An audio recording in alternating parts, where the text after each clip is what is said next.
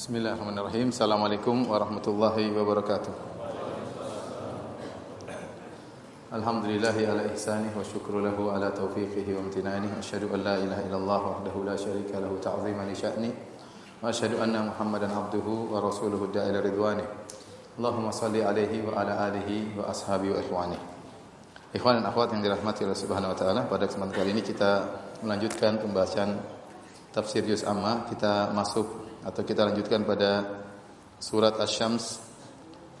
Silakan buka halaman 397. Surat yang ke-91. Surat Asy-Syams yang artinya matahari. Uh, surah Asy-Syams artinya matahari dan ini termasuk surat Makkiyah. Sering kita ingatkan surat Makkiyah adalah surat yang turun sebelum Nabi berhijrah. Adapun yang turun setelah Nabi berhijrah namanya surat Madaniyah atau ayat Madaniyah. Adapun surat Asy-Syams disebutkan dalam hadis di antaranya hadis yang masyhur tentang Muaz bin Jabal radhiyallahu anhu yang salat Isya kepanjangan ya. Muaz bin Jabal radhiyallahu anhu beliau salat Isya bersama Nabi sallallahu alaihi wasallam di Masjid Nabawi. Setelah itu dia pulang ke kampungnya dan dia jadi imam lagi di kampungnya. Dan rupanya dia baca surat yang sangat panjang sampai baca surat Al-Baqarah dalam salat Isya. Akhirnya sebagian jamaah ada yang kalau tahu Muaz jadi imam tidak ke masjid ya. Kenapa? Karena kepanjangan. Jangan bilang gue banget itu ya, jangan. sebagian mereka ada yang salat bersama Muaz ya ketika Muaz terlalu panjang maka dia memisahkan diri dia lanjutkan salat sendiri. Jadi Muaz terlalu lama ya udah dia langsung baca sendiri, rukuk sendiri, sujud sendiri, salam-salam tinggalkan apa? jamaah. Akhirnya Muaz dikasih tahu, ada seorang jamaah yang melanjutkan salat sendiri, menyelesaikan salat sendiri. Maka Muaz pun marah. Muaz berkata, "Innahu munafik." Itu orang munafik. Tatkala kabar ini sampai kepada lelaki tersebut yang dituduh munafik, maka dia pun melaporkan hal ini kepada Nabi sallallahu alaihi wasallam. Maka Nabi sallallahu alaihi wasallam pun memanggil Muaz dan Nabi menegur Muaz. Kata Nabi sallallahu alaihi wasallam, "Aturidu an takuna fattanan ya Muaz? Apakah kau ingin menjadi pembuat fitnah wahai Muaz yaitu membuat orang lari dari masjid, buat orang malah salat berjamaah. Idza amamta an-nas faqra bisyamsi wa duhaha. Ya dalam riwayat kata Nabi SAW, kalau kau jadi imam, bacalah surat wasyamsi wa duhaha, salat Isya maksudnya. Wa sabbihisma rabbikal a'la wa iqra bismi rabbikal ladzi khalaq wal laili idza yaksha. Nabi mencontohkan, nah kalau kamu jadi imam salat Isya, bacalah surat-surat ini. Ya dari sini Ya, dalam riwayat kata Nabi SAW, ya kalau kau jadi imam, ya maka jangan panjang-panjangkan. Fa inna min waraika uh, al-marid wa dhaif wa dzal hajah. Di belakangmu ada orang sakit, ada orang yang lemah dan ada orang yang punya keperluan, maka jangan dipanjang-panjangkan kalau jadi imam. Gua salat sendiri bebas membaca satu Al-Qur'an 30 juz satu rakaat juga boleh kalau kuat ya. Tapi kalau jadi imam, lihat kondisi makmum di belakang. Karena sebagian orang jadi imam dia jadikan imamnya jadi murojaah ya. Sehingga dia baca satu surat satu rakaat. Allah salat subuh tidak apa, salat maghrib, salat isya. Oleh karenanya para ulama menyebutkan dalam hadis Rasulullah SAW membagi e, membaca surat surat di waktu maghrib dengan kisar mufassal. Adapun salat isya dengan awasitul mufassal. Adapun salat subuh dengan e, tiwal mufassal. Surat mufassal atau surat-surat mufassal, mufassal artinya terputus-putus yaitu surat-suratnya pendek atau ayatnya pendek-pendek, maka itu dimulai dari surat Qaf dan diakhiri dengan surat An-Nas. Dibagi menjadi tiga. Yang pertama disebut dengan tiwal mufassal yaitu mufassal yang panjang-panjang. Dari surat Qaf sampai surat Al-Mursalat. Ini semua disebut dengan tiwal mufassal, surat mufassal yang panjang-panjang. Kemudian setelah itu dari surat An-Naba sampai surat Wal-Laili idza yakhsha. Itu disebut dengan awasitul mufassal, surat mufassal yang tengah-tengah sedang. Kemudian disebut kisarul mufassal, yaitu surat mufassal yang pendek-pendek dari surat Ad-Duha sampai surat An-Nas. Nah, surat yang kisarul mufassal dari surat Ad-Duha sampai surat An-Nas dibaca di waktu salat maghrib.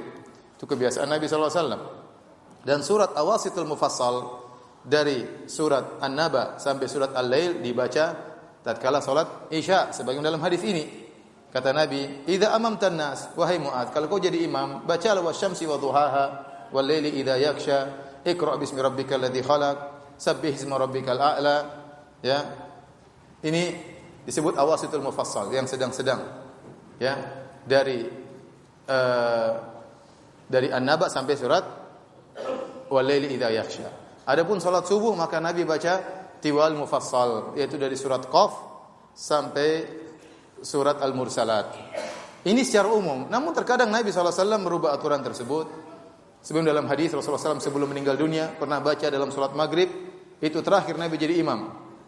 Kata sang perawi terakhir aku mendengar Nabi menjadi imam di salat maghrib beliau baca surat wal mursalati urfa panjang Nabi sedang sakit salat maghrib baca wal mursalati urfa Nabi juga pernah dalam salat maghrib membaca wattur wa kitabim mastur fi raqim mansyur tiwal mufassal sebagaimana hadis Jabir Jubair bin Mut'im radhiyallahu taala anhu ketika beliau mendengar Nabi baca surat At-Tur sampai firman Allah am khuliqu min ghairi syai'in am humul khaliqun kata dia kada qalbi yatir hampir-hampir jantungku terbang mendengar bacaan Nabi di sholat maghrib baca surat Wattur wa kitabim masraf. Ini jarang-jarang. Bahkan Nabi pernah sholat maghrib baca surat Al-A'raf. Al-A'raf berapa ayat? 200 ayat kalau nggak salah. Coba kalau antum baca Imam As-Sunnah baca surat Al-A'raf, ya. Entah apa yang terjadi. Makanya imam kalau mau menerapkan sunnah sekali-sekali baca surat Al-A'raf dalam surat maghrib kasih tahu makmumnya. Ya imam makmum sekalian saya mau baca surat Al-A'raf. Yang mau pindah masjid silakan. Karena panjang ya. Tapi itu di luar dari kebiasaan Nabi Shallallahu Alaihi Wasallam. Sebaliknya Nabi Shallallahu Alaihi Wasallam pernah sholat isya baca idza zulzilatil ardu zilzalaha. Dalam kondisi tertentu seperti dalam safar Rasulullah SAW membaca surat-surat yang pendek karena kondisi apa? Safar. Tapi secara umum sholat maghrib dibaca kisarul mufassal dari surat Al-Duha sampai An-Nas. Sholat isya Awasitul Mufassal dari surat An-Naba sampai surat Wal-Laili Idza Yaghsha dan salat subuh dari surat Qaf sampai surat Al-Mursalat. Kira-kira demikian ya. Nah, Asy-Syams ini di antara surat yang dianjurkan untuk dibaca seukuran itu tatkala salat Isya. Artinya satu rakaat baca satu surat. Rakaat kedua baca surat yang yang lain. Dan Asy-Syams artinya matahari wasyamsi wa duhaha demi matahari dan cahayanya ya. Eh, Allah Subhanahu wa taala bersumpah dengan apa yang dia kehendaki dari makhluknya. Di antaranya Allah bersumpah dengan matahari dan matahari adalah makhluk yang hebat, luar biasa yang kita lihat tiap hari terbit dari timur terbenam di barat yang dalam uh, makhluk matahari Allah matahari tersebut ya makhluk Allah tersebut menunjukkan keagungan Allah Subhanahu. Sering saya bayangkan bagaimana matahari beredar wasyamsu tajri li mustaqirri laha. Matahari berjalan di atas orbitnya. Ya, pertama seandainya matahari terlepas dari orbitnya, ya, menjauh dari orbitnya, maka kita akan kedinginan, tidak kuat dengan dingin yang luar biasa. Kalau matahari mendekat ke arah bumi, lepas dari orbitnya, kita akan kepanasan, kita akan meninggal dunia, saking panasnya matahari. Tapi matahari terjaga di orbitnya, terjaga di orbitnya. Kemudian ini perkara pertama. Yang kedua, lihat energi yang dikeluarkan dari matahari konstan dari dulu sampai sekarang. Ya. Kita kalau mau bakar sesuatu coba bayangkan menyalakan api sebesar bintaro saja ya. Butuh gas berapa? Butuh batu bara berapa dan berapa lama akan bertahan? Sementara matahari dengan kata orang jaraknya entah jutaan kilo entah Allah alam bisa taruhlah ribuan kilo menyampaikan sinarnya dari sana sampai ke bumi itu butuh sinar yang hebat luar luar biasa, energi yang luar biasa. Tetapi ya subhanallah kita tidak lihat matahari mengecil, tidak. Ya. Terus energinya konstan dari dulu seperti itu ya. Luar biasa ya. Kalau orang bilang panas itu karena kutub yang mulai turun lah atau karena ada atmosfer yang lobang lah, tapi energi matahari konstan ya. Luar biasa entah orang bilang sudah jutaan tahun matahari demikian. Siapa yang bisa bikin demikian kecuali Rabbul Alamin, pencipta alam semesta ya. Yang ini semua semakin buat kita yakin bahwasanya alam semesta ini ada penciptanya, ada penciptanya. Enggak mungkin berjalan dengan sendirinya tanpa ada yang mengaturnya. Oleh karena tatkala terjadi dialog antara Imam Abu Hanifah dengan orang-orang yang ateis, ya sebelum berdialog kata Abu Hanifah, cobalah antum bayangkan tentang sebuah perahu atau kapal yang berlabuh di Sungai Dujlah di Irak. Kemudian kapal tersebut menurunkan barang-barangnya, kemudian setelah mengganti barang-barang yang baru untuk dibawa ke pelabuhan berikutnya, kemudian dia berlabuh ke pelabuhan berikutnya, semuanya terjadi tanpa ada nahkoda tanpa ada ABK anak buah kapal, tanpa ada awaknya. Kata mereka mustahil bisa terjadi demikian. Nah, kalau ini saja mustahil bagaimana dengan alam semesta ini. Enggak mungkin terjadi tanpa ada yang mengatur. Enggak mungkin terjadi ada yang tanpa ada yang mengatur. Oleh karena sungguh menakjubkan orang-orang fisikawan yang mereka tatkala merumuskan rumus-rumus yang tentang penciptaan alam semesta, yang itu semuanya hipotesa, hanya dugaan, belum tentu benar dan tidak akan bisa mereka buktikan, hanya dugaan-dugaan saja. Sehingga buktinya bukan ilmu pasti, buktinya ada beberapa teori, lima atau lebih teori-teori tersebut. Seandainya ilmu pasti masih tidak ada khilaf. Tapi ini terjadi beberapa pendapat yang anehnya seharusnya kalaulah teori-teori tersebut benar, harusnya mereka semakin beriman adanya Tuhan. Tetapi banyak di antara mereka justru tatkala membuat teori-teori tersebut seakan-akan ingin melepaskan Tuhan dari fungsinya sebagai pencipta. Ya. Sehingga di antara mereka banyak yang ateis, di antara mereka banyak yang ateis, justru fisikawan-fisikawan justru banyak di antara mereka yang ateis ya. ya kita bilang justru teori-teori yang antum ungkapkan itu semuanya menunjukkan adanya Tuhan. Contoh, mereka mengatakan teori penciptaan alam dengan beberapa teori seperti teori Big Bang, ledakan besar. Katanya alam semesta ini berasal dari satu satu unsur yang sangat padat, yang sangat kuat, kemudian terjadi peledakan. Akhirnya besar-besar-besar, jadilah alam semesta, muncullah antum-antum ini. Semesta ini sama antum. Taruhlah teori itu benar. Baik, yang mendatangkan benda yang padat itu siapa? Tiba-tiba ada sendiri? Jawaban mereka yang ateis, ya terjadi dengan sendirinya, kebetulan. Kemudian benda itu ada padat yang sangat padat tersebut, tersebut ada. Terus kok tahu-tahu meledak? Siapa yang meledakkannya? Kebetulan. Jawabannya apa? Kebetulan. Jadi sebenarnya orang-orang ateis Tuhan mereka itu apa? Kebetulan. Tuhan mereka kebetulan. Mereka yang mengaku ilmiah, kalau sudah pada titik ini mereka tidak ilmiah.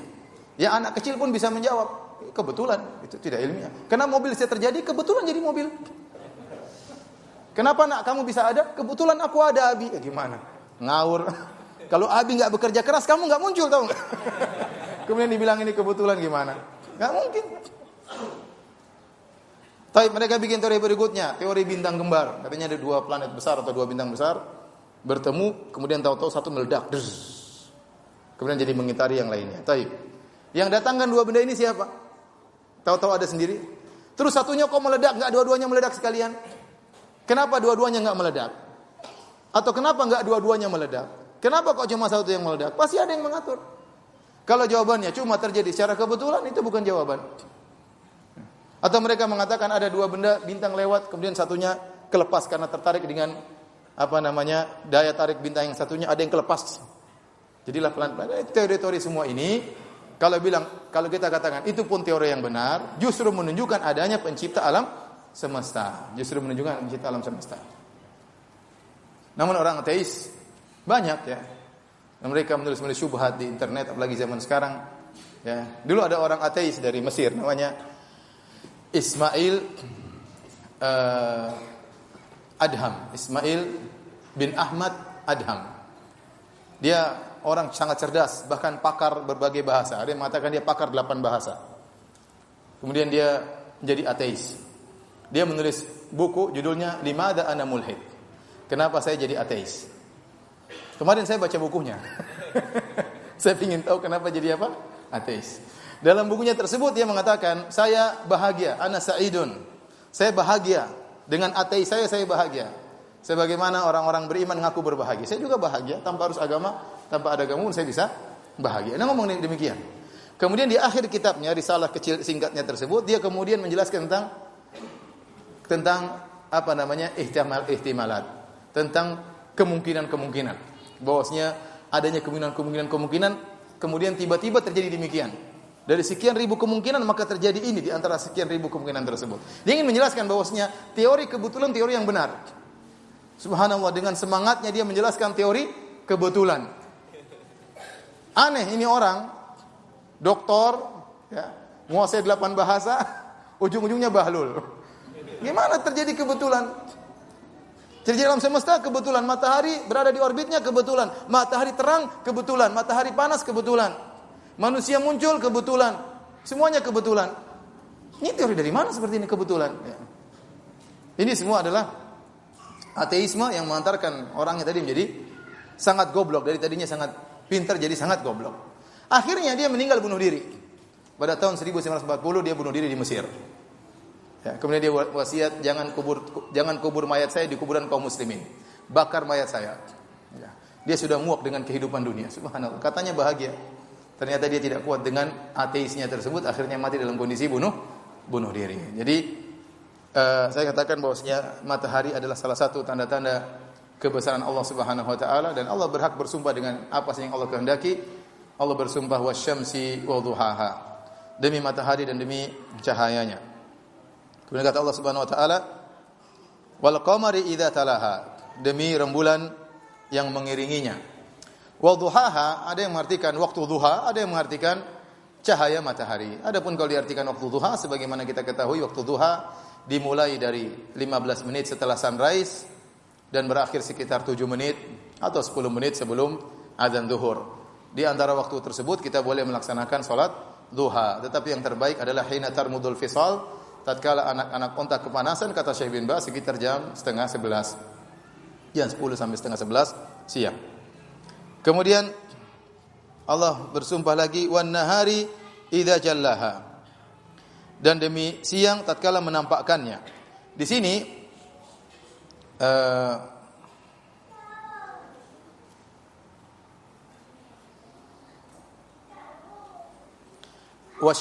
wan nahari idza jallaha matahari tatkala menampakkannya nya di sini ada dua pendapatnya kata ganti wan nahari idza jallaha hanya ini ada dua pendapat pendapat pertama idza jallaha ha maksudnya al-lail karena eh, apa namanya eh, kata, kata para ulama sebagian pendapat Wan nahari idza jallaha tatkala siang menghilangkan atau menyingkap malam.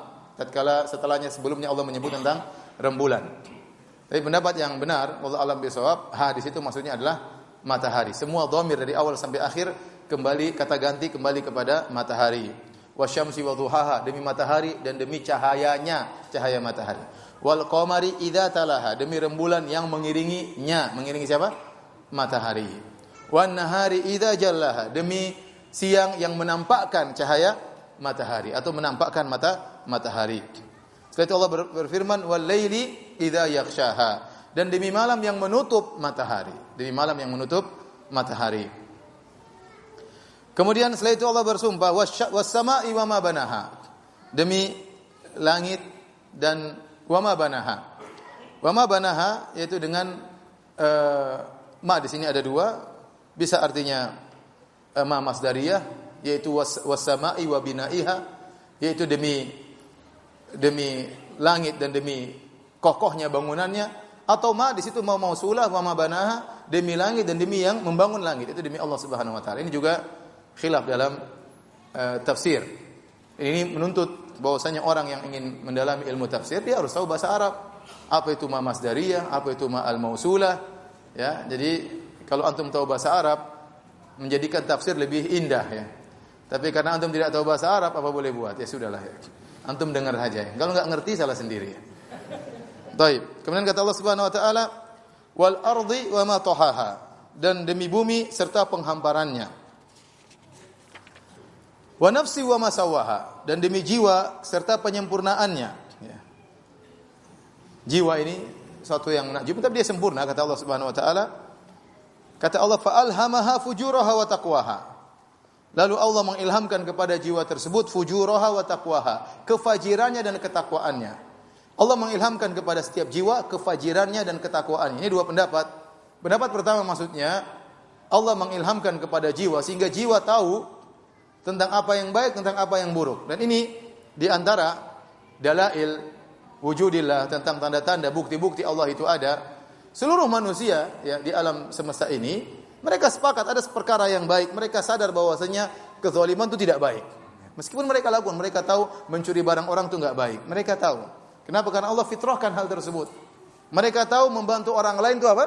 Baik. Meskipun tidak pernah belajar, meskipun tidak pernah diajari. Tapi fitrah mereka dengan sendirinya mengajarkan kepada mereka, jiwa mereka tahu bisa membedakan mana yang baik dan mana yang yang buruk. Mana yang baik dan mana yang buruk. Itulah kata Allah, ya fa'alhamaha fujuraha wa taqwaha. Allah mengilhamkan kepada setiap jiwa untuk mengenal mana yang baik dan mana yang mana yang buruk. Bahkan dalam ayat yang lain kata Allah Subhanahu wa taala ya uh, apa namanya? Uh, kata Allah Subhanahu wa taala la uqsimu biyaumil qiyamah wa la uqsimu bi nafsil lawamah. Kata Allah, aku bersumpah, sungguh aku bersumpah dengan jiwa yang suka mencela. Jiwa yang suka mencela itu apa? Jiwa yang baik.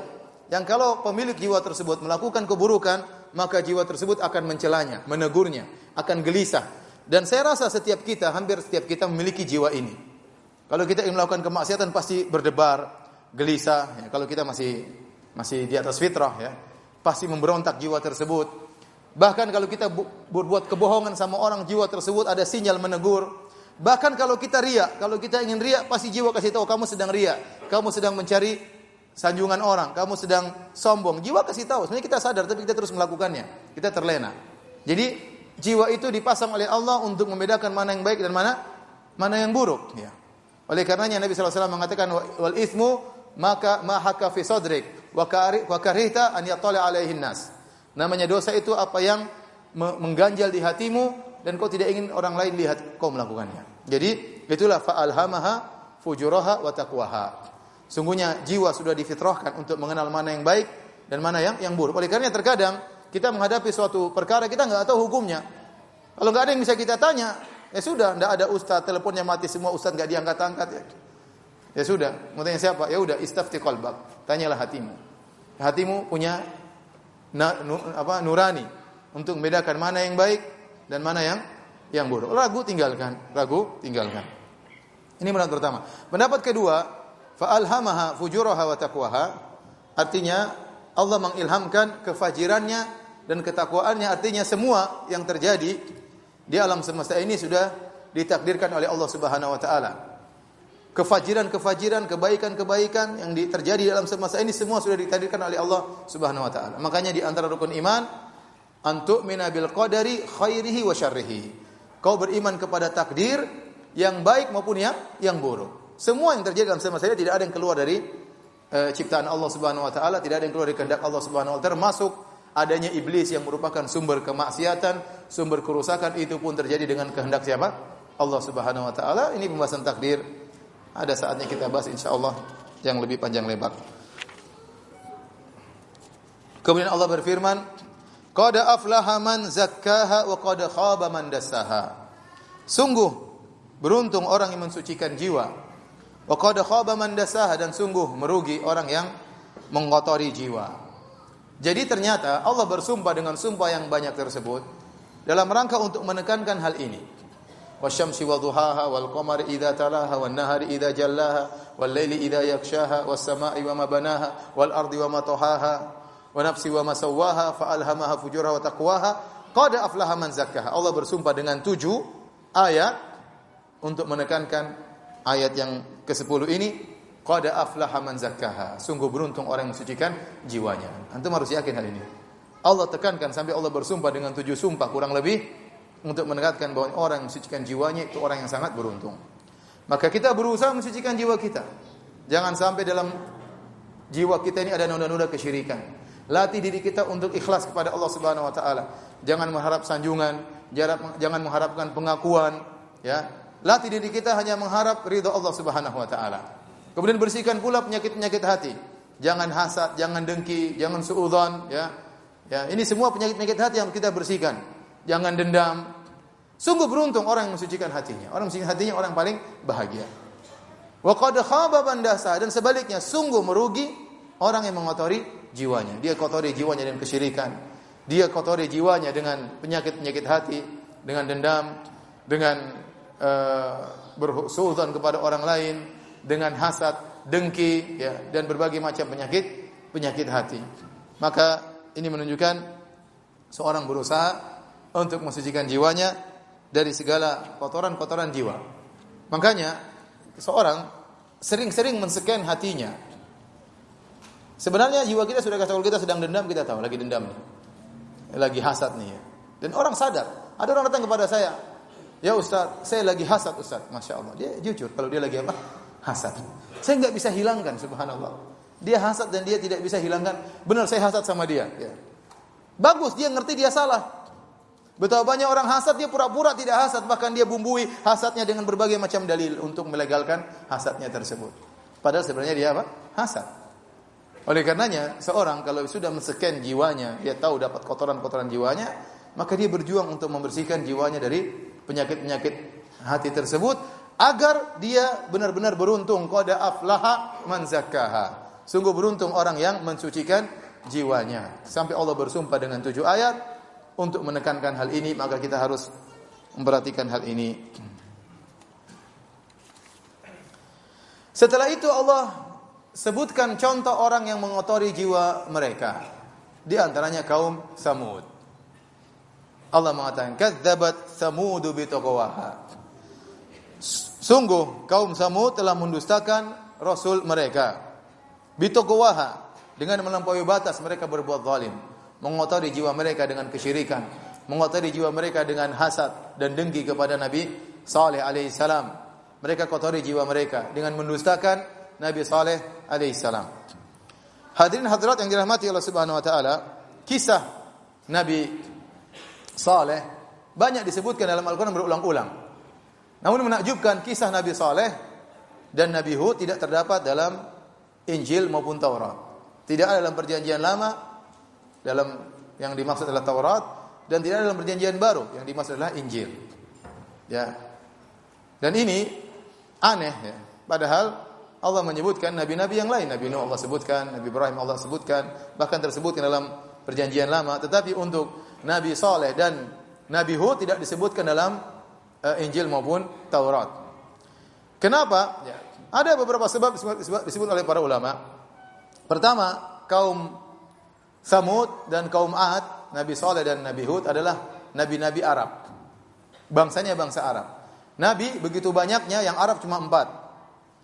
Yang pertama, yang paling tua adalah Nabi Hud. Itu Arab yang paling tua. Dengan kaumnya kaum Ad. Kemudian keturunannya, cucu-cucunya adalah Nabi Saleh. Dari kaum Samud, itu juga Arab. Kemudian Nabi Shu'aib, itu juga Arab. Kemudian yang keempat Nabi Muhammad SAW. Selainnya bukan orang orang Arab. Ya. Selainnya bukan orang orang Arab. Sehingga tatkala nabi-nabi Arab tersebut maka Bani Israel ya dalam Taurat maupun Injil tidak perhatian terhadap nabi-nabi tersebut. Ini kemungkinan ada tapi kemungkinannya kemungkinannya kecil. Ya. Yang kedua, ya, bahwasanya telah terjadi tahrif, ada penyimpangan, ada yang dihapus dari Taurat maupun apa? Injil ya. Sehingga tidak tersebutkan nabi-nabi tersebut padahal Allah begitu sering menyebutkan dalam Al-Qur'an Al-Karim. Ya, dan ini juga bantahan kepada mereka yang mereka menuduh bahwasanya Muhammad hanya menukil cerita-cerita dari kisah-kisah terdahulu. Wa qalu asatirul awwalin iktatabaha fahiya tumla alaihi bukratau wa asila. Mereka mengatakan Al-Qur'an itu hanyalah dongeng-dongeng yang didiktekan kepada Muhammad dan didiktekan kepadanya pagi dan sore. Muhammad hanya nulis atau Muhammad menelaah buku-buku sebelumnya, Taurat dan Injil dan sampai mereka mengatakan hingga sekarang Kisah-kisah yang ada di Quran hanyalah cuplikan dari Taurat dan Injil, kemudian dimodif oleh Muhammad. Di antara bantahannya ada kisah Nabi Saleh, Nabi Hud tidak terdapat dalam Taurat dan apa? Injil. Dan Allah sebutkan kisah kaum Samud, ini ayat Makkiyah, surat Makkiyah turun waktu Nabi masih di Mekah. Yang mukhatabin, yang diajak audiensnya adalah kafir Quraisy. Orang-orang apa? Quraisy, orang-orang Arab di Mekah. Dan orang-orang Arab tahu betul tentang Nabi Saleh. Mereka tahu betul tentang kaum Samud. Kenapa? Karena Diyar Samud, kampungnya kaum Samud masih ada sampai sekarang. Ya terletak, terletak di kota Al-Ula. Al-Ula kira-kira 300 km sebelah utara kota Madinah. Ya, tatkala kita hendak pergi ke Tabuk, Tabuk sekitar 750 kilo. Kita akan melewati Khaybar, kemudian melewati Al-Ula. Kalau kita lanjutkan perjalanan akan menuju sampai ke Tabuk. Dan Nabi SAW waktu perang Tabuk, Nabi mampir ke Al-Ula. Nabi mampir ke tempat pemukiman uh, kaum Samud. Kaum Samud sudah hancur, namun pemukim, pemukimannya masih masih ada, masih ada ya. Kalau kita ke sana kita akan dapati gunung-gunung, kemudian di gunung tersebut dipahat, dijadikan rumah. Kalau kita masuk, nanti ada semacam dipan-dipannya, ada tempat piring-piringnya, ya. Satu gunung itu ada beberapa rumah. Nanti di antara rumah-rumah tersebut ada rumah yang spesial agak besar, agak lebih mewah. Saya pikir itu kepala RT-nya ya. Kemudian kita pergi ke, ke gunung sebelahnya nanti juga gitu. Ada kumpulan rumah-rumah, nanti ada rumah yang spesial. Ya kalau lebih bagus berarti RW-nya ya. Intinya ada dibuat mereka pahat gunung-gunung tersebut dijadikan tempat tinggal mereka. Nah sampai sekarang eh, rumah-rumah tersebut masih masih ada. Ya. Kalau mau lihat silahkan. Saya sudah dua kali ke sana. sekitar 300 km di utara kota Madinah, di kota namanya Al-Ula, kotanya subur ya, kotanya subur. Allah Subhanahu wa taala berfirman tentang kaum Samud ya. Wa ila Samud akhahum salihah. Dan kepada kaum Samud kami utus saudara mereka yaitu Nabi Saleh. Qala ya qaumi ibudullaha ma lakum min ilahin ghairuh. Maka Nabi Saleh berkata wahai kaumku sembahlah Allah saja dan tidak ada sembahan selain Allah Subhanahu wa taala bagi kalian. Wa ansha'akum minal ardi wasta'marakum fiha fastaghfiruhu. Dialah Allah yang telah ya menciptakan kalian dari bumi dan menjadikan kalian pemakmur bumi tersebut. Fastaghfiruhu tsumma tubu ilaih. Beristighfarlah kemudian bertobatlah kepadanya. Ya. Kemudian Nabi Saleh juga mengingatkan tentang nenek moyang mereka kaum Ad. Wadhkuru id ja'alakum khulafa'a min ba'di 'adin. Ingatlah tatkala Allah menjadikan kalian khalifah-khalifah, pemakmur bumi setelah kaum Ad nenek moyang kalian. Dan kaum Ad sudah binasa. Binasa karena mereka membangkang berbuat kesyirikan. Ya, sekarang cucu-cucu mereka kaum Samud kembali lagi melakukan kesyirikan. Wa bawwa'akum fil ardi tattakhiduna min suhuliha qusura wa tanhituna al-jibala buyuta. Fadhkuru ala Allahi wa la ta'thaw fil ardi mufsidin. Kata Nabi SAW, lihatlah kalian diberi kenikmatan dijadikan memakmurkan bumi Kemudian di tempat-tempat yang landai kalian bikin kosor-kosor yaitu bangun-bangun yang mewah. Tidak cukup itu kalian gunung-gunung kalian pahat dijadikan rumah-rumah. Ini kenikmatan. Kenikmatan ya. Tidak cukup mereka punya rumah di tanah yang landai. Mereka juga pahat gunung untuk dijadikan apa? Rumah. Maka ingatlah nikmat-nikmat Allah dan jangan kalian melakukan kerusakan di atas muka bumi. Kemudian intinya yang beriman kepada Nabi Soleh cuma sedikit orang-orang yang lemah. Sehingga orang-orang yang kaya dari kaum Samud ngejek orang-orang yang lemah. Kata Allah, "Qala al-mala'u alladhina istakbaru min qaumi lil ladzina istud'ifu liman amana minhum, ata'lamuna anna salihan mursalun min rabbih?" Qalu inna bima ursila bihi mu'minun. Qala alladhina istakbaru inna billadzi amantum bihi kafirun. Berkata orang sombong kepada orang-orang yang lemah, orang-orang miskin. Apa kalian tahu bahwanya Saleh katanya diutus oleh Tuhannya? Kata orang miskin, kami beriman dengan apa yang dibawa oleh Saleh. Kata orang-orang kaya yang sombong, kami kafir kepada yang apa yang dibawa oleh Nabi oleh Saleh. Akhirnya mereka minta mukjizat kepada Nabi Saleh. Agar Nabi Saleh mengeluarkan mukjizat. Mereka bosan didakwai terus oleh Nabi Saleh. Kata mereka, wahai Saleh, kalau kau ingin kami beriman, keluarkanlah salah satu mukjizat. Apa? Itu batu besar, keluarkan onta dari situ. Ontanya ada syarat-syaratnya. Ontanya tinggi, kemudian berwarna putih, sudah bunting uh, bulan kalau nggak salah ya. Tanpa ada yang memuntinginya. Tahu-tahu keluar dalam kondisi demikian keluarnya dari batu. Dan ini sebenarnya soal ijaz yaitu permintaan yang agar Nabi Soleh tidak bisa melakukannya. Karena permintaan tersebut mustahil. Kalau seandainya mereka minta onta keluar dari ke, dari hutan ya mungkin karena hutan sumber kehidupan. Mungkin ada onta yang ucul lepas dari mana warna putih sudah bunting 9 bulan, oke lah. Atau mereka mengatakan onta keluar dari laut, ya mungkin saja ada onta kesasar ke laut kemudian keluar. Tapi keluar dari batu bukan sumber kehidupan. Siapa yang hidup di batu? Ada serangga apa hidup dalam batu? Ya. Batu bukan bukan sumber kehidupan. Jadi mereka minta sesuatu yang mustahil. Kata Nabi Saleh sebelum dalam buku-buku tafsir, kalau ternyata berhasil bagaimana? Ya kami akan beriman. Akhirnya Nabi Saleh salat, kemudian dia berdoa kepada Allah Subhanahu wa taala, maka tiba-tiba keluarlah onta tersebut dari batu sebagaimana yang mereka pinta. Apakah apakah mereka beriman? Jawabannya tidak. Hanya sebagian kecil dari mereka yang beriman. Semua mudah kalau ada yang aneh kata mereka, hada sahirun kadzab. Ini hanyalah tukang sihir. Ini adalah sahirun alim, tukang sihir yang pandai. Bayangkan, dia bisa keluarkan onta dari batu. Apa enggak hebat tukang sihir ini? Jadi percuma Nabi Soleh mengeluarkan atau Allah turunkan mukjizat kalau hati mereka sudah ditutup, mereka akan menuduh ini hanyalah sihir. Akhirnya Nabi Soleh ingatkan kepada mereka. Hadihi naqatullahi lakum ayah. Wahai kaumku. Sungguhnya ini adalah ontanya Allah. Sampai Nabi Soleh namakan ontanya Allah. Membentuk, menunjukkan ini pemuliaan. Seperti masjid disebut dengan Baitullah. Rumahnya Allah. Ka'bah disebut Ka'batullah. Ka'bahnya Allah. Rasul disebut Rasulullah. Utusan Allah. Ya. Sekarang dikatakan naqatullah ontanya Allah. Ini onta spesial. Lakum ayah. Sungguhnya inilah tanda-tanda kebesaran Allah. Fadharuha ta'kulu fi ardillah. Biarkan dia makan dari bumi Allah. Ini bumi milik Allah. Dia mau makan mana saja, biarkan unta tersebut makan. Wala tamassuha bisu'in fayakhudhakum adabun alim. Dan jangan ganggu dia sama sekali dengan gangguan apa pun. Kalau kalian ganggu dia, maka akan menimpa kalian adab yang pedih. Mulailah orang-orang kaum Nabi Saleh nggak enak juga kaum Samud. Ini onta ajaib ya. Onta tersebut kalau dipandang menakjubkan. Tahu-tahu keluar bunting, tidak ada yang buntinginya. Tahu-tahu keluar dari batu, menakjubkan. Mereka tidak berani ganggu unta tersebut. Kemudian ada aturan baru. Ada sumur yang sering didatangi oleh mereka.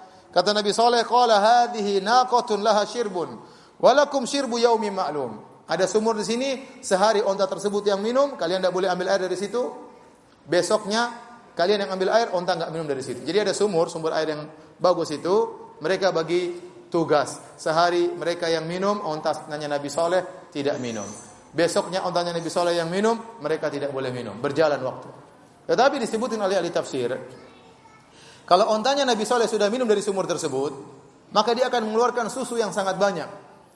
Oleh karenanya sebagai ganti dari mereka tidak mendapatkan air tawar dari sumur tersebut, mereka boleh memerah susu dari onta tersebut. Kan lebih lezat. Sehari minum air putih, besoknya minum apa? Susu. Namun rupanya mereka jengkel. Ini onta ngatur-ngatur kita ini. Gak boleh makan, gak boleh minum dari sumur tersebut. Ya, ya akhirnya mereka berencana busuk, berencana buruk kepada onta tersebut. Mereka ingatkan Nabi Saleh. Qalu ya Salihu, qad kunta fina marjuan qabla hadha. Wahai Saleh, dahulu engkau ini harapan kami. Mau dijadikan pemimpin lah, mau dijadikan kepala suku lah, tapi sekarang kenapa engkau begini wahai Saleh? Atanhana an na'budu ma ya'budu abauna wa innana la fi syakki mimma tad'una ilaihi murib. Apakah kau melarang kami untuk menyembah sesembahan-sembahan nenek moyang kami? Kenapa melarang kami menyembah sembahan-sembahan nenek moyang kami? Dan kami sungguhnya ragu dengan apa yang kau bawa. Benar-benar ragu. La fi syakkin murid, benar-benar ragu. Akhirnya mereka sudah jengkel dengan dakwah Nabi Saleh maka mereka punya rencana buruk untuk membunuh ontanya Allah Subhanahu wa taala. Maka mereka pun bermusyawarah, rapat, bikin makar. Akhirnya keputusannya onta Nabi Soleh harus dibunuh. Disebutkan dalam dalam buku-buku tafsir yang membunuh onta Nabi Soleh seorang namanya Kudar bin Salif. Namanya siapa? Kudar bin Salif. Antum jangan namakan anak ente dengan Kudar ya. Kudar bin Salif. Ya, dia ini orang yang paling kuat, orang yang paling hebat di antara mereka.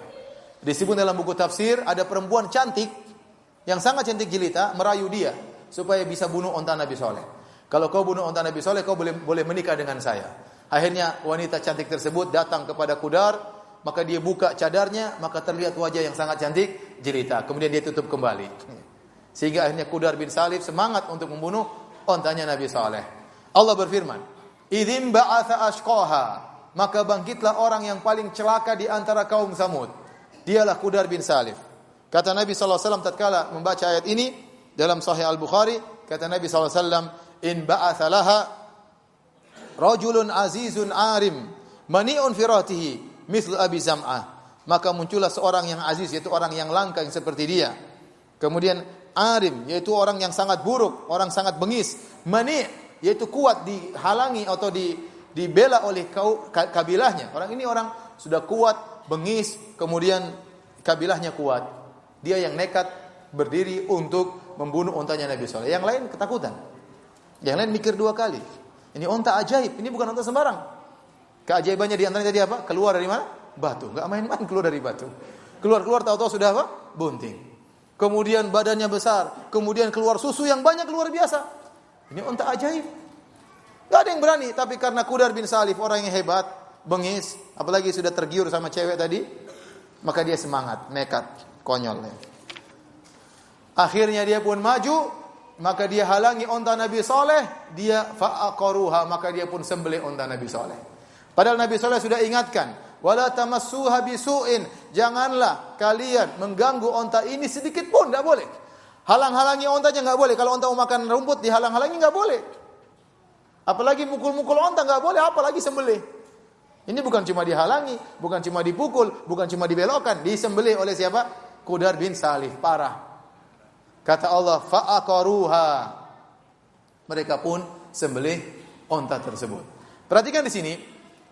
Allah menyatakan di awal sebelumnya, "Idzim ba'atha ashqaha", maka berdirilah seorang lelaki yang paling celaka di antara mereka. Jadi yang bunuh langsung satu orang laki-laki. Tapi tatkala terjadi pembunuhan, Allah nisbahkan perbuatan tersebut kepada seluruh kaum Samud. Kata Allah, fa'aqaruha. Mereka pun menyembelihnya. Kenapa? Meskipun yang lain tidak ikut membunuh, tapi yang lain setuju. Oleh karena hati-hati bisa jadi seorang tidak ikut serta dalam kemaksiatan, tapi dia setuju. Bisa jadi seorang tidak ikut dalam kesyirikan, tapi dia dukung kesyirikan tersebut. Bisa jadi seorang bukan pelaku LGBT, tapi dia dukung acara LGBT. Dia dukung, dia setuju. Bisa jadi dia terkena imbasnya. Lihatlah ini kaum Samud, mereka tidak bukan semua bunuh satu orang aja, Kudar bin Salif. Karena dia yang dapat cewek, cewek nggak mungkin diperebutkan oleh banyak orang. Dia yang dapat cewek sendiri. Tetapi tatkala dia yang membunuh, maka Allah menisbahkan, menyandarkan perbuatan penyembelihan tersebut kepada mereka seluruhnya karena mereka sepakat bareng-bareng yang yang membuat makar untuk membunuh onta tersebut. Waktu mereka membunuh onta tersebut, kata Nabi Saleh, faqala tamatta'u fi darikum thalathata ayyam dzalika wa'dun ghairu makdzub silakan kalian bersuka sukaria di rumah kalian selama tiga hari. Setelah tiga hari akan datang azab Allah. Dzalika wa'dun ghairu makdzub dan itu janji Allah tidak akan terdustakan. Pasti terjadi. Kalian sudah bunuh unta saya? Silakan senang-senang. Berapa hari? Tiga hari. Hari keempat tewas kalian semua. Tiga hari. Kemudian mereka sombong. Kata Allah fa'aqaruha wa atau an amri rabbihim. Mereka menyembelih ontanya Nabi Saleh. Dan mereka angkuh terhadap perintah Rabb mereka. Wa qalu bahkan mereka sombongnya, mereka nantang, "Ya Salihu tina bima ta'iduna in kunta minal mursalin." Wahai Saleh, kalau kau benar-benar utusan Allah, turunkan adab yang kau bilang. Nabi Saleh bilang, "Iya, tapi tiga hari tunggu." Ayo mana mana. Jadi mereka nantang. Nggak usah tiga hari sekarang aja. Kata Nabi Soleh tiga hari.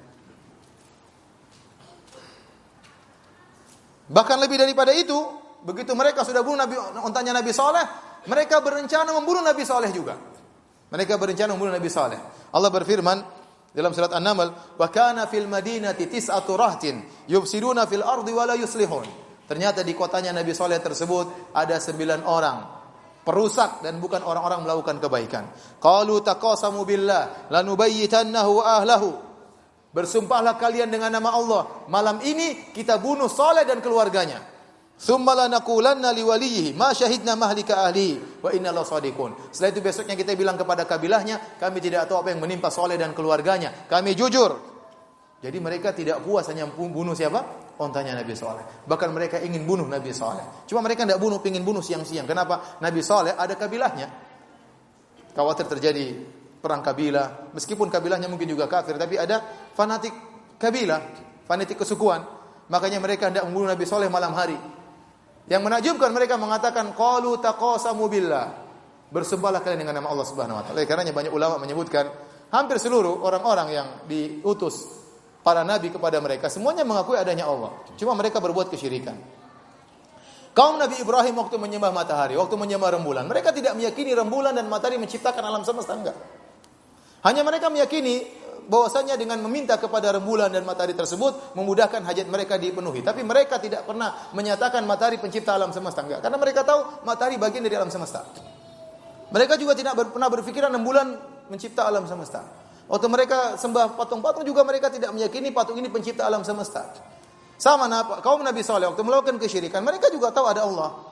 Tapi mereka tidak meninggal, tidak ingin meninggalkan sembahan-sembahan mereka karena mereka meyakini sembahan-sembahan mereka ini memudahkan mereka mendapatkan hajat mereka. Makanya waktu mereka ingin membunuh Nabi Saleh, mereka bersumpah dengan nama siapa? Nama Allah dalam Al-Qur'an. Qalu taqasamu billah, bersumpahlah kalian dengan nama Allah. Oleh karenanya barang siapa yang belajar sirah Nabi, dia akan dapati betapa sering orang-orang musyrikin Quraisy bersumpah dengan nama Allah. Wallahi banyak. Abu Jahal pun bilang, "Wallahi Abu Jahal." Makanya Abu Jahal waktu perang Badar dia berdoa kepada Allah. Ya. Dia berdoa, "Allahumma ayyuna aqta'u rahim wa atana bima lam na'rif fa ahinhul ghadat." Nabi eh kok Nabi siapa? Abu Bahlul, Abu Jahal. Abu Jahal berdoa, "Ya Allah." Bayangkan dia berdoa kepada Allah. "Ya Allah, siapa antara saya dan Muhammad yang paling memutuskan silaturahmi di antara kami. Karena dia nuduh Muhammad memutuskan silaturahmi.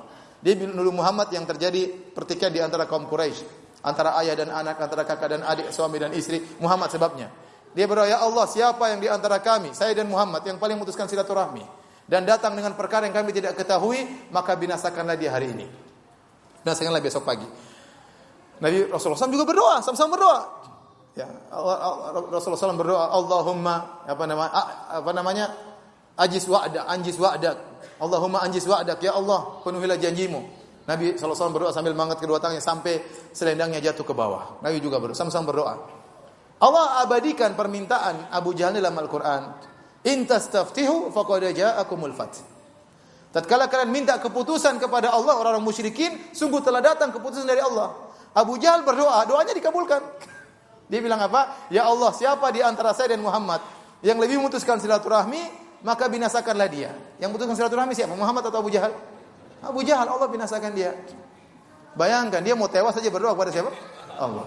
Jadi seluruh umat-umat para ambia mereka mengenal Allah. Cuma mereka melakukan kesyirikan.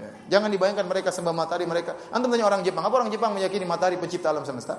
Enggak. Bahkan jangankan uh, orang muslim, orang yang mereka saja tidak meyakini demikian.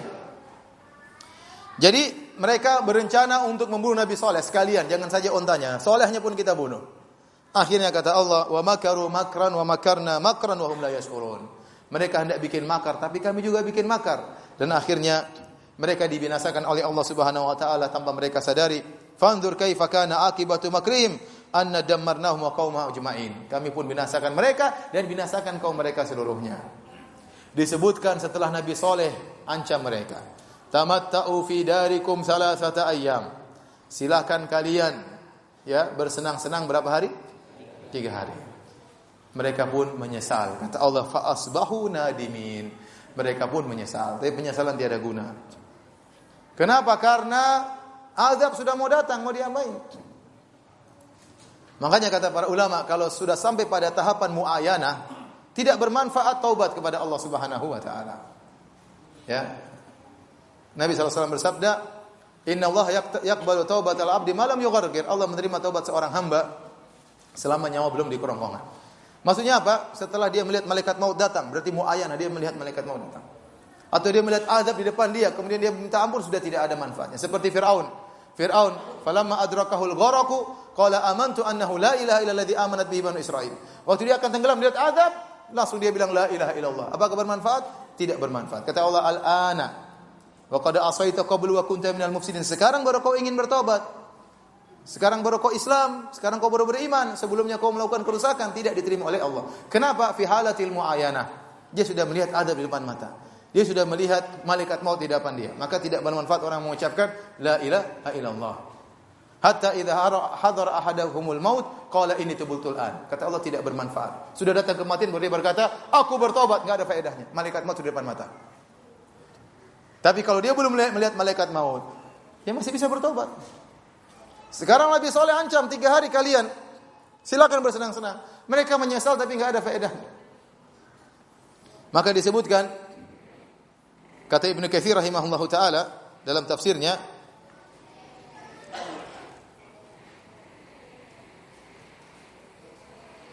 Mereka membunuh onta tersebut pada hari Rabu. Hari Rabu mereka bunuh. Maka tiga hari, hari Kamis, Jumat, Sabtu, Minggu datang azab. Hari Kamis, hari pertama. Wajah mereka menjadi kekuning-kuningan, pucat, gelisah tiga hari. Mungkin sudah ada hawa-hawa azab, mungkin nggak tahu. Pokoknya mereka udah gelisah. Kemudian waktu sore lewat, kata mereka hari pertama sudah lewat. Hari kedua hari Jumat, wajah mereka jadi kemerah-merahan. Waduh, mengerikan. Tatkala malam sudah lewat, lolos. Bukan lolos, tinggal hari terakhir. Kemudian hari Sabtu wajah mereka menjadi hitam-hitaman. Pada hari Ahad di subuh hari mereka sudah nunggu azab datang, subhanallah. Nunggu azab datang, bayangkan. Maka datanglah azab dengan guntur yang sangat keras serta gempa dari bawah. Kata Allah Subhanahu wa taala, fa akhadathumur rajfatu fa asbahu fi darihim jathimin. Maka datanglah gempa mereka menimpa mereka dan mereka pun mati bergelimpangan dalam runtuhan rumah-rumah mereka. Jatuh mereka mati. mudah bagi Allah untuk membinasakan mereka. Bikin gempa, bikin suara keras, tewaslah mereka. Kata Allah, "Fatawalla anhum wa qala ya qaumi laqad ablagtukum risalata rabbi." Maka Nabi Saleh pun pergi meninggalkan mereka dan berkata, "Wahai kaumku, aku sudah ingatkan kalian dengan risalah dari Rabbku. Wa nasahtu lakum, aku sudah nasihati kalian, walakin la tuhibbunan nasihin." Akan tapi kalian tidak mau, tidak menyukai nasihat. Kata Allah, faqala lahum Rasulullah naqatallahi wa suqiyaha. Kata Nabi Nabi Saleh kepada mereka, biarkanlah unta betina dari Allah ini dan minumannya. Jangan dilarang minum dari sumber tersebut, jangan diganggu. Fakadzabuhu, mereka mendustakan Nabi Saleh. Fa'aqaruha, mereka pun menyembelih untanya Nabi Saleh. Fadamdama alaihim rabbuhum bidzambihim fasawwaha. Maka Tuhan pun membinasakan, membinasakan mereka karena dosa mereka. Lalu mereka pun diratakan. Jadi Allah mengatakan Fadamdama alaihim rabbuhum bidzambihim. Allah membinasakan mereka sebab dosa yang mereka lakukan. Ini jelas bahwasanya tidaklah Allah menimpakan musibah, tidak Allah menimpakan azab kecuali karena dosa yang dilakukan. Ya. Yang dimaksud dengan fadamdama alaihim kata As-Sam'ani atbaqa alaihim bil azab ammahum walam yubuki minhum ahadan yaitu adabnya menimpa mereka seluruhnya tidak seorang pun yang selamat dari mereka Adam damatu huwal halaku bil, bil istisal. Namanya damdamah yaitu kebinasaan sampai pada akar-akarnya. Jadi tidak seorang pun dari mereka yang yang selamat. Yang selamat cuma Nabi Saleh dan uh, pengikutnya. Kemudian kata Allah Subhanahu wa taala, "Wala yakhafu uqbaha." Dan dia tidak takut terhadap akibat perbuatannya. Dia tidak takut akibat perbuatannya. Di sini ada beberapa pendapat wala yakhafu. Siapa yang tidak takut akibat perbuatannya? Ada yang mengatakan si Kudar bin Salif, dia nekat. Dia tidak takut gara-gara cewek, gara-gara dikompori oleh kaumnya, dia nekat bunuh untanya Nabi Saleh. Dia tidak takut akhirnya Allah binasakan dia. Ada yang mengatakan maksudnya Nabi Saleh. Ya, tatkala untanya disembelih oleh kaumnya dia tidak takut. Dia tahu bahwasanya kaumnya akan terkena azab. Ada yang mengatakan wala yakhafu uqbaha adalah Allah. Allah tidak takut dengan adab yang dia timpakan kepada mereka. Allah tahu apa yang dia timpakan kepada mereka, mereka berhak untuk menerimanya. Selesai surat Asy-Syams. Lanjut apa sudah? Hah? Apa tanya jawab? Hah? Lanjut. Surat An-Nas ya selesai. Kita lanjut. Kuat kah? Lanjut. Lanjut enggak? Hah? Yang benar ente. Tadi mulai jam berapa tadi? Masa jam satu? Zuhur jam berapa tadi? Hah? Tadi kita mulai jam berapa? Setengah satu kan? Setengah satu berarti sudah satu jam. Lanjut.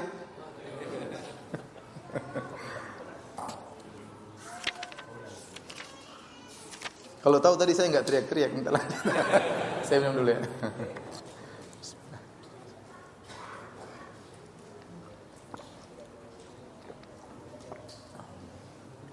Tapi kita lanjut. Ya. Sabar ya. Antum sudah makan siang belum? Yang sudah makan siang angkat tangan coba. Yang sudah makan siang angkat tangan. Saya nggak tega mau lanjut ternyata antum belum makan siang. Khawatirnya selesai asar nanti. Yang sudah makan siang angkat tangan. Sudah ya? Jadi lanjut ya? Oke, lanjut. Taib, kita lanjutkan surat Al-Lail. Al-Lail artinya demi malam, wal-laili demi malam. Dan ini adalah surat terakhir dari Awasitul Mufassal. Surat terakhir dari Mufassal yang tengah tadi. Saya katakan yang panjang dari Qaf sampai Al-Mursalat, kemudian yang tengah dari An-Naba amma yatasaalun sampai wal-laili idza yakhsha. Setelahnya Ad-Duha sampai An-Nas. Allah Subhanahu wa taala bersumpah dengan wal laili. Dan ini metode orang-orang Arab tatkala ingin menekankan sesuatu, mereka dengan bersumpah demi ini, demi anu, maka kemudian menyatakan pernyataan. Sebelum menyatakan pernyataan tersebut, mereka buka dengan sumpah. Karena Al-Qur'an turun dengan bahasa Arab dan di awal diturunkan kepada orang Arab, maka Allah menggunakan metode orang-orang Arab. Inna anzalnahu Qur'anan Arabiyyan la'allakum ta'qilun. Sungguhnya kami turunkan Al-Qur'an dengan bahasa Arab agar kalian bisa memahami. Maka Allah bersumpah untuk menekankan suatu perkara. Yaitu inna sa'yakum la syatta. Sungguhnya usaha kalian atau model kalian bermodel-model. Untuk menekankan hal tersebut, Allah bersumpah di awalnya dengan mengatakan wal laili idza yaksha. Demi malam tatkala menutupi cahaya siang. Wan nahari idza tajalla. Dan demi siang tatkala sinarnya terang benderang. Ya. Uh, para ulama mengatakan Allah bersumpah dengan berbagai macam waktu karena waktu itu sangat berharga dalam Islam. Makanya dalam Al-Quran Allah bersumpah dengan wal fajar demi fajar, wal duha demi waktu duha, wal laili demi malam, wal nahari demi siang, ya, walayalin ashar demi sepuluh hari pertama bulan Dhul Hijjah atau demi sepuluh malam terakhir bulan Ramadhan, wal asr demi waktu asar atau demi masa. Ini semua adalah bersumpah dengan waktu. Kenapa? Karena waktu itu sangat penting dalam Islam. Waktu-waktu tersebut bisa digunakan untuk beribadah kepada Allah, untuk mendekatkan diri kepada Allah Subhanahu wa taala. Kenapa disebutkan Allah bersumpah dengan al-fajr? Karena itu ada salat subuh. Kenapa disebutkan oleh para ulama kenapa Allah bersumpah duha? Karena ada orang-orang salat duha di waktu tersebut. Di antaranya wal laili. Wal demi malam. Malam nikmat. Ya kata Allah wa ja'alna al-laila libasa kami jadikan malam sebagai pakaian bagi kalian, tempat kalian istirahat, sakanan, penuh ketenangan kalian tidur di malam hari tersebut. Selain itu adalah waktu yang sangat tepat untuk dekat kepada Allah Subhanahu wa taala. Waktu yang paling afdal untuk berkhulwat dengan Allah Subhanahu wa taala adalah di malam hari. Oleh karenanya afdalu salat adalah qiyamul lail. Salat yang paling terbaik adalah salat salat malam. Ya sudah, sudah pernah saya jelaskan di sini bagaimana di awal Islam Allah mewajibkan salat malam bagi nabi dan para sahabat. Allah turunkan firman-Nya, "Ya ayyuhal muzammil qumil laila illa qalila." Wahai orang yang berselimut, bangunlah engkau salat malamlah. Seluruh malam, semalam suntuk salat malamlah. Nisfahu awin kus minhu qalila. Kalau enggak mampu semalam suntuk, setengah malam. Awin kus minhu qalila atau kurangi dari setengah malam. Au zid alai atau lebih dari setengah malam, terserah mau tambah berapa. Kalaupun kurang dari setengah malam maka kurangi sedikit. Artinya apa? Perbanyak salat malam dan itu di awal Islam wajib hukumnya. Sahabat salat malam bersama Nabi sallallahu alaihi wasallam. Sampai disebutkan sampai setahun mereka salat malam. Kemudian turunlah firman Allah Subhanahu wa taala, "Faqra'u ma tayassara minal Qur'an" di akhir surat Al-Muzammil, baru kemudian salat malam tidak jadi wajib lagi tapi menjadi apa? Sunnah. Tetapi para ulama menamakan surat Al-Muzammil dengan Zadud Da'iyah, yaitu bekal seorang dai. Kenapa Nabi SAW di awal-awal dakwah menghadapi ujian yang sangat berat. Dia butuh charger imannya di malam hari. Makanya orang kalau bisa salat malam tiap hari, maka dia akan merasakan kebahagiaan. Dia kuat menghadapi berbagai ujian dan rintangan di keesokan hari. Dia kuat menghadapi perkataan manusia, cercaan manusia kepada dia. Dia bisa menghadapi godaan-godaan. Kenapa di malam hari dia charger imannya? Di waktu yang sangat tempat tatkala di malam, di malam hari. Maka seorang berusaha setiap malam harus ada waktu dia sholat malam. Meskipun berapa rakaat, meskipun cuma satu rakaat. Ya. Meskipun baru satu persen. Yang penting dia charger imannya. Dia charger imannya. Ya. Jadi seorang berusaha sisihkan dirinya untuk sholat malam. Karena Allah memuji orang-orang yang sholat malam. Kanu qalila minal laili ma yahja'un wa bil ashari hum yastaghfirun. Mereka di malam hari mereka tidurnya sedikit karena sholat malam. Wa bil ashari hum yastaghfirun di waktu sahur mereka beristighfar. Allah bersumpah dengan malam, Allah bersumpah dengan siang. Ya. Setelah itu Allah berfirman, "Wa ma khalaqadz dzakara wal untha." Dan demi penciptaan laki-laki dan perempuan. Ini juga ada dua pendapat ma di situ. Ma masdariyah atau ma mausulah. Ini sering dalam Al-Qur'an. Wa ma khalaqa dzakara wal unsa. Kalau ma di situ ma al mausulah berarti walladzi khalaqa dzakara wal unsa yaitu demi Allah yang menciptakan laki-laki dan perempuan. Atau ma di situ ma, ma al masdariyah yang artinya wa khalqi adzakari wal unsa demi penciptaan lelaki dan wanita. Dan pendapat yang kedua dipilih oleh para ulama karena dahulu Nabi pernah membaca ayat ini dengan wal laili idza yaghsha wan nahari idza tajalla wadh-dzakari wal untha. Tetapi bacaan tersebut sudah mansuh diganti dengan bacaan kita sekarang wa ma khalaqadz dzakara wal untha artinya Allah bersumpah dengan penciptaan lelaki dan penciptaan wanita. Allah bersumpah dengan lail, dengan nahar, dengan penciptaan laki dan wanita. Buat apa? Untuk menekankan satu perkara. Kata Allah, "Inna sa'yakum lasyatta." Sungguhnya kalian tuh amalan kalian bermodel-model. Usaha kalian bermodel-model.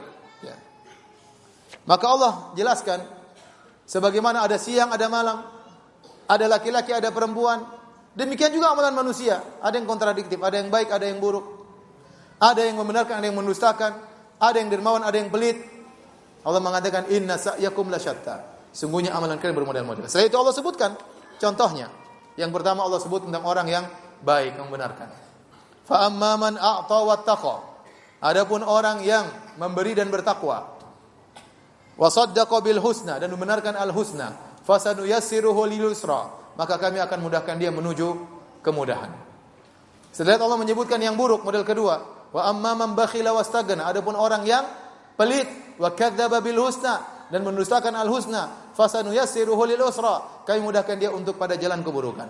Jadi eh, perhatikan surat ini, inna sa'yakum lasyatta, sungguhnya kalian bermodel-model, Allah sebutkan contohnya. Yang pertama, orang-orang yang baik membenarkan. Kita kembali kata Allah, fa amma man a'ta wattaqa. Adapun orang yang memberi dan dia bertakwa. Dia dermawan dan dia bertakwa. Maksudnya apa? Waktu dia dermawan, dia bertakwa.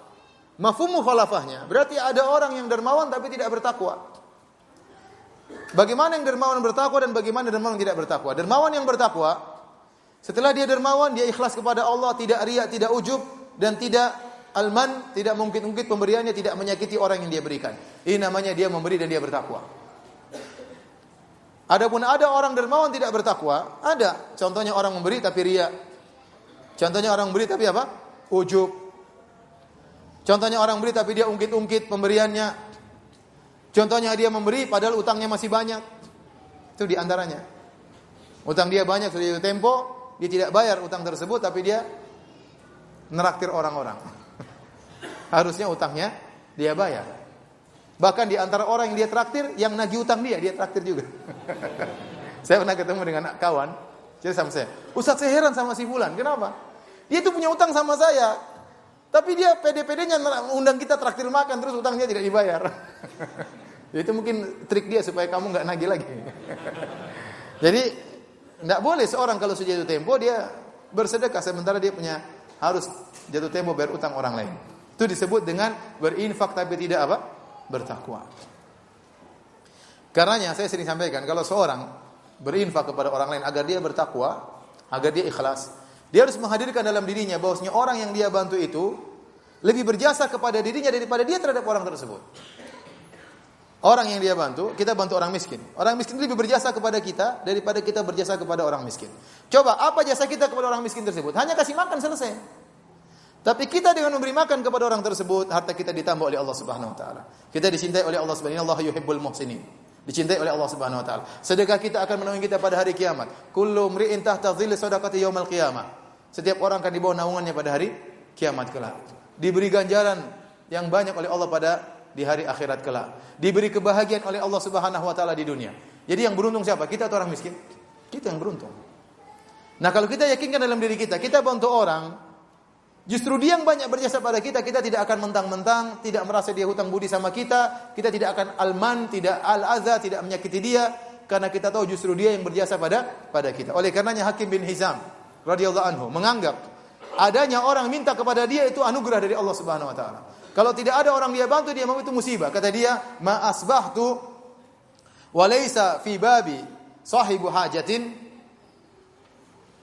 Kalau setiap pagi saya bangun kemudian tidak ada orang yang minta-minta di rumahku, fa innahu minal masaib, maka itu termasuk dari musibah kata dia. Berarti saya terhalang dari kebaikan. Selama masih kita bisa bantu orang lain, kita yang lebih beruntung daripada orang tersebut. Ya. Kira-kira si miskin apa yang dia dapatkan? Kenyang aja dia dapatkan. Kasih dia makan kenyang selesai. Tapi keuntungan yang banyak kita bukan bukan dia. Ya, maka seorang dengan cara metode berpikir demikian, dia lebih mudah untuk taqa, memberikan dan bertakwa dengan pemberiannya. Masih kuat kan? Saya sudah capek.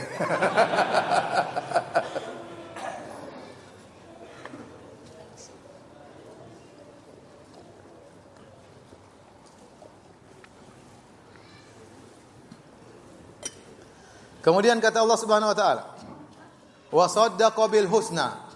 Dia memberi dan dia bertakwa dan dia membenarkan al-husna. Al-husna ada tiga pendapat di kalangan ahli tafsir. Pendapat yang pertama, al-husna artinya adalah la ilaha illallah. artinya dia bersedekah dan dia beriman. Karena percuma orang bersedekah tidak beriman, tidak diterima sedekahnya oleh Allah Subhanahu wa taala. Wa ma mana'um an tuqbala minhum nafaqatuhum illa annahum kafaru billahi wa rasulih. Kata Allah, tidaklah mereka terhalangi diterima nafkah mereka, sedekah mereka kecuali karena mereka kafir kepada Allah dan Rasulnya. Orang kafir percuma sedekah mereka tidak diterima. Yang kedua, sadaqah bil husna dia meyakini tentang adanya surga. Kalau Allah karena Allah menamakan al husna dengan surga. Lilladzina ahsanul husna wa ziyada. Bagi orang berbuat baik bagi mereka al husna itu surga. Kemudian makna al husna di antaranya al khalaf yaitu dia meyakini kalau dia memberi Allah pasti kasih gantinya. Dia yakin Allah pasti kasih ganti dan itu benar. Dalam banyak hadis menjelaskan akal ini, akan hal ini. Dalam Al-Qur'an Allah mengatakan, "Wa ma anfaqtum min khairin fahuwa yukhlifuh." apa saja kebaikan yang kalian keluarkan Allah akan ganti. Ya. Kemudian kata Nabi, "Ma min yaumin yusbihul ibad fihi illa malakani yanzilan." Tidaklah ada suatu pagi para hamba di pagi hari kecuali dua malaikat turun, yang satu berdoa, "Allahumma a'ti munfikan khalafan." Ya Allah beri ganti kepada orang yang berinfak. Kemudian Allah berfirman dalam hadis qudsi, "Ya bani Adam, anfik unfik alaik." Wahai anak Adam, berinfaklah, aku akan berinfak kepadamu. Jadi antum kalau bersedekah harus yakin bahwasanya Allah pasti ganti. Dan antum tidak boleh seuzon cuma diganti di akhirat, tidak boleh. Allah ganti di dunia sebelum di akhirat. Kenapa Nabi bersabda, "Mana qasad sadaqatun min mal?" Bahwasanya sedekah tidak akan mengurangi harta. Artinya di dunia tidak berkurang. Konteks Nabi berbicara di dunia. Mana qasad sadaqatun min mal? Harta kalau diinfakkan tidak berkurang. Memang zahirnya berkurang, tapi pasti Allah ganti. Caranya bagaimana urusan Allah Subhanahu wa taala. Belum di akhirat, belum di di akhirat. Maka antum harus yakin bahwasanya apa yang antum keluarkan di dunia diganti oleh oleh dunia sebelum di di akhirat. Tadi itu mana dari al-husna, membenarkan ada gantinya. Maka sebenarnya mengatakan di antara bentuk suudzon kepada Allah, menyangka bahwasanya kebaikan hanya diganti di akhirat. Enggak. Allah beri kebahagiaan kepada orang di dunia sebelum di akhirat. Ini dikasih kebahagiaan. Lihat orang-orang suka sedekah, mereka miskin. Enggak, mereka semakin kaya. Saya kenal orang-orang yang rajin bersedekah, mereka tidak miskin, tambah kaya. Selama mereka bersedekah ikhlas karena Allah Subhanahu wa taala. Selama mereka bersedekah a'ta wa taqa, bersedekah dan bertakwa, maka Allah pasti akan memberi gantinya. Sampai-sampai Allah menamakan sedekah yang kita keluarkan dengan qard, dengan utang. Kata Allah Subhanahu wa taala, "Man dzalladzi yuqridullaha qardan hasanan?" Barang siapa yang beri hutangan kepada Allah Subhanahu wa taala. Kenapa kata para ulama Allah namakan pemberian dengan hutang, sedekah dengan hutang, agar kalian yakin namanya hutang pasti Allah bayar. Sampai Allah namakan hutang supaya ente yakin bahwa akan dibayar oleh Allah Subhanahu wa taala. Saya tanya sama antum, kalau antum punya teman miliarder jalan sama antum, kemudian dia mau beli bakso, kebetulan dia nggak bawa uang. Aduh, uang nggak ada ya Firanda. Coba oh, ATM juga nggak ada. Aduh gimana nih? Pinjam uang dong beli bakso. Ente pinjamin nggak? ya jelas ini miliarder, ente yakin dia pasti bayar. Mungkin dia bayar lebih. Kita traktir dia bakso, dia traktir ikan bakar nanti. Santai aja. Tapi coba kalau yang pinjam sama ente juga miskin, badannya miskin, ada baju, pinjam uang, aduh. Kita mikir-mikir, karena dia tahu kita kasih nggak bakalan dibayar. Sekarang kalau miliarder pinjam uang antum pasti kasih, dia dibilang ini utang ya, dia pasti bayar. Ente yakin seribu persen dia akan bayar. Apalagi yang pinjam yang maha kaya Allah Subhanahu wa taala. Maka ente kalau bersedekah wa saddaqa bil husna, meyakini bahwasanya Allah akan beri apa? Ganti. Allah akan beri ganti. Bisa jadi Allah ganti dengan duit itu, bisa jadi Allah ganti dengan kebaikan-kebaikan yang lain. Tetapi jelas kata Nabi, "Ma naqasat sadaqatu min mal." Bahwasanya sedekah tidak akan mengurangi harta. Kata Allah, "Fasanu yassiruhu lilusra." Maka kami akan mudahkan urusannya atau akan mudahkan dia menuju surga. Ya, al jaza min amal. Balasan balasan sesuai dengan kebaikan dia selama ini membantu orang lain, Allah akan mudahkan urusannya di di dunia.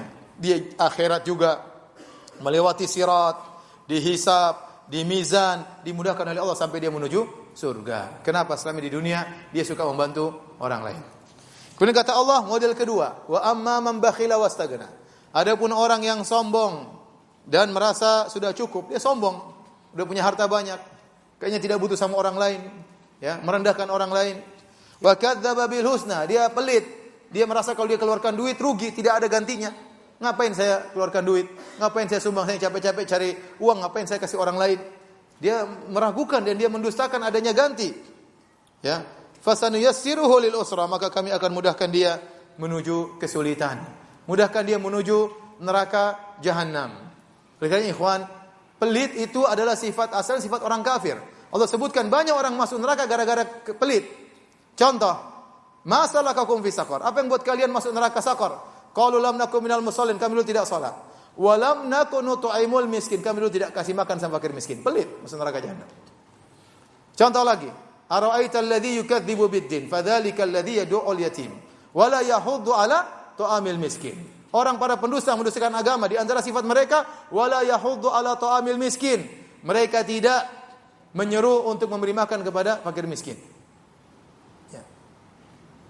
Kemudian juga orang Allah menyebut tentang orang-orang pelit, orang-orang kafir. Kata Allah Subhanahu wa taala, ya. Wa tuhibbunal mala hubban jamma, ya. Tutaimunal kalian tidak memberikan makan kepada fakir miskin, ya. Wa tuhibbunal jamma, kalian cinta kepada harta dengan cinta yang dalam. Jadi orang-orang ini orang pelit mendustakan adanya ganti Allah di dunia. Sehingga mereka pelit, Allah akan mudahkan urusan mereka ke neraka jahanam. Setelah itu Allah Subhanahu wa taala berfirman, "Wa ma yughni anhu maluhu idza taradda." Dan hartanya tidak bermanfaat baginya apabila telah dia binasa. Percuma dia kumpulkan harta. Kalau sudah binasa, hartanya apa? Manfaat bagi dia enggak ada sama sekali. Tidak ada manfaatnya. Harta yang dia kumpulkan tidak akan menambah umurnya. Ya. Kata Allah Subhanahu wa taala, ya alladzi jama'a malahu wa addadah yahsabu anna malahu akhladah orang yang mengumpulkan harta-hartanya dihitung-hitungnya tiap hari yahsabu anna malahu akhladah dia menyangka hartanya akan mengekalkan dia menambah umurnya kalla sekali-sekali tidak harta yang kita kumpulkan mobil yang banyak rumah yang banyak tanah yang banyak ya tidak akan menambah umur kita sedetik pun enggak akan kalau tambah harta tambah umur banyak orang akan berusaha cari harta akan nambah umur Ternyata umur tidak bisa menambah harta, oh, harta tidak bisa menambah umur sama sekali. Berapa banyak orang kaya raya tetap aja meninggal. Ente kira hanya orang miskin yang meninggal. Orang kaya juga meninggal ya. Ente pikir hanya orang miskin yang mencret, orang kaya juga mencret. Mungkin mencret keluar uang nggak apa urusan, tapi sama-sama mencret ya. Bukan cuma mereka, bukan cuma miskin aja yang susah, kaya juga susah. Yang ente kira orang miskin aja yang kepalanya pusing, orang kaya juga kepalanya pusing. Coba bayangkan ada orang punya pegawai seribu orang, Begitu tiba hari raya, coba. Dia pusing mikir THR seribu orang nih gimana. Yang pusing yang punya perusahaan. Yang seribu orang bahagia nunggu THR. Coba. Jadi, jadi harta tidak akan menambah umur sedikit pun. Waktunya mati-mati. Tidak seperti sebagian orang kafir, waktu mau dikubur, maka dia wasiatkan, maka dia pakai jasnya, dia pakai jam mahalnya, kemudian tadi dia pakai apa duit dibawa, ya mungkin kalau ada motor dia masukkan dalam kuburan ya. Dia sangka bermanfaat bagi dia dalam alam barzah.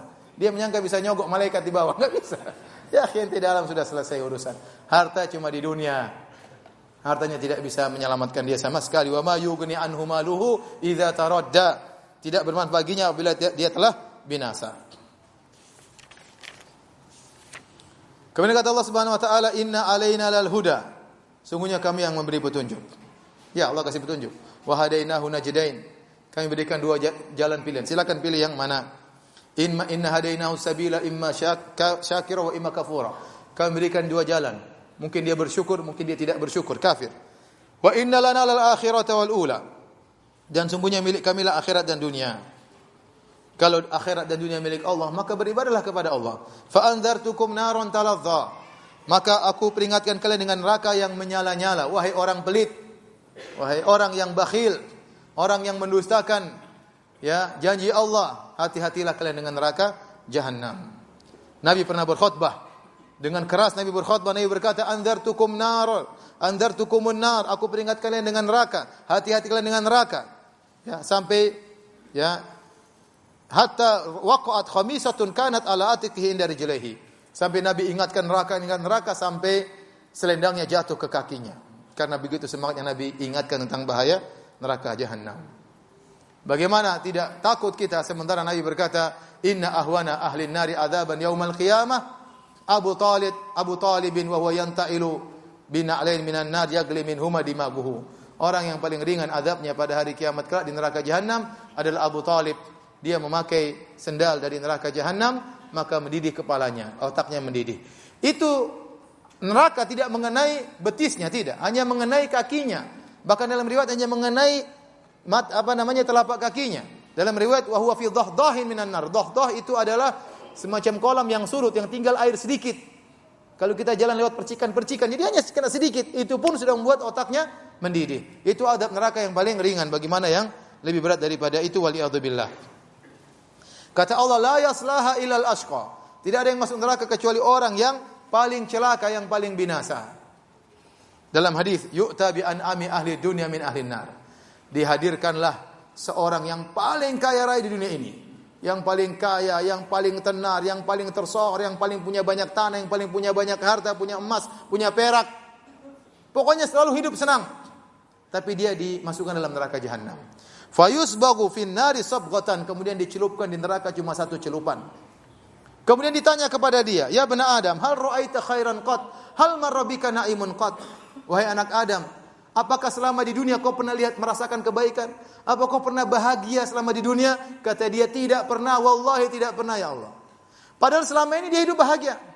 Tetapi begitu dicelup di neraka satu celupan, melupakan segala kenikmatan yang pernah dia rasakan. Itu orang yang paling nikmat yang paling bahagia di dunia. Begitu masuk neraka, langsung melupakan segala kenikmatan yang pernah dia rasakan. Maka benar kata Allah, la yaslaha ilal ashqa. Tidak ada yang masuk neraka kecuali orang yang binasa. Alladzi kadzdzaba wa tawalla, yaitu orang yang berdosa dan berpaling. Setelah itu Allah menceritakan tentang Abu Bakar As-Siddiq atau yang semisal Abu Bakar As-Siddiq. Kata Allah, "Wa sayujannabuhal atqa." Sungguh neraka tersebut akan dijauhkan dari orang yang bertakwa. Siapa alladzi yu'ti malahu yatazakka? Yang dia mengeluarkan uangnya niatnya untuk mensucikan dirinya, bukan untuk sombong, bukan untuk ujub, bukan untuk ria. Yatazakka. Dia ingin dengan uang yang keluar dari dirinya dia bersihkan penyakit bakhilnya. Dia ingin semakin tinggi imannya. Dia ingin melawan rasa pelitnya. Makanya waktu Nabi berkata, tidak ada orang dua yang patut dihasadi, di antaranya kata Nabi yang perlu dia kita hasad adalah rajulun atahu Allahul mal wa huwa yusallituhu ala halakati fil haq. Seorang Allah berikan harta wa huwa yusallitu, jadi kuasai hartanya. Artinya kata para ulama dia melawan jiwanya agar bisa menyerahkan hartanya di jalan kebaikan. Itu perlu perjuangan. Dengan demikian dia bersihkan jiwanya dari rasa pelit. Ya tazakka, dia ingin mensucikan jiwanya. Bukan untuk ria, bukan untuk ujub, bukan untuk pamer enggak. Wa mali ahadin indahu min ni'matin tujza. Padahal dia melakukannya bukan karena untuk balas budi sama sekali. Abu Bakar radhiyallahu anhu. Ayat ini tentang Abu Bakar dengan ijma ulama. Waktu Bilal disiksa dan banyak budak disiksa. Nabi tidak bisa bebaskan mereka, Nabi tidak punya duit. Maka Abu Bakar lewat di Bilal sedang disiksa dan Abu Bakar tinggal di dekat kampung Al-Jumah, rumahnya majikannya Abu Bakar yaitu Umayyah bin Khalaf Al-Jumahi, sedang menyiksa Abu Bakar. Maka menyiksa apa? Bilal. Maka Abu Bakar membebaskan Bilal. Bapaknya tegur Abu Bakar, ya Abu Bakar, kalau kau ingin bebaskan Bilal, bebaskan budak, pilih budak yang kuat-kuat. Bilal kurus, nggak kuat, ngapain bebaskan dia? Ya, kata Abu Bakar, sungguhnya saya ingin mencari wajah Allah Subhanahu wa taala. Dan Abu Bakar tidak punya utang budi sama siapa? Bilal. Abu Bakar membebaskan Bilal bukan karena utang budi. Makanya Allah mengatakan, "Wa ma li ahadin indahu min ni'matin tujza illa butiqa'a wajhi rabbil a'la." Hanya saja Abu Bakar membebaskan Bilal karena mengharapkan wajah Allah Subhanahu wa taala wala saufa yarda dan sungguh dia akan ridha. Jadi Abu Bakar radhiyallahu anhu waktu membebaskan Bilal dan budak-budak yang lainnya ada beberapa budak yang dia bebaskan. Pertama dia mengharapkan wajah Allah dan ini tazkiyah dari Allah bahwasanya Abu Bakar ikhlas. Allah yang mentazkiyah, Allah yang sebutkan Abu Bakar mengharapkan wajah Allah. Berarti Allah merekomendasi Abu Bakar bukan cuma luarnya, dalamnya pun dia rekomendasi. Bahwasanya Abu Bakar adalah orang yang ikhlas. Kemudian Abu Bakar waktu membebaskan budak, dia tidak berharap Bilal balas budi dan dia juga bukan membebaskan Bilal karena dia punya hutang budi. Bukan karena hutang budi dan tidak berharap balas budi. Yang diharapkan hanya wajah Allah. Kata Allah, wala saufa yarda sungguh dia akan ridha. Kata para ulama ini dalil Abu Bakar pasti masuk surga. Kenapa? Karena Allah mengatakan dia pasti ridha dia pasti puas. Dan puasnya Abu Bakar kalau dia masuk apa? Surga. Maka ayat yang jelas bahwasanya Abu Bakar pasti masuk surga. Demikian saja kajian kita ikhwan dan akhwat yang dirahmati oleh Allah Subhanahu wa taala saya rasa tidak perlu tanya jawab Kita lanjutkan pada kesempatan yang lain. Subhanakallah bihamdik asyhadu alla ilaha anta astaghfiruka wa atubu. Assalamualaikum warahmatullahi wabarakatuh.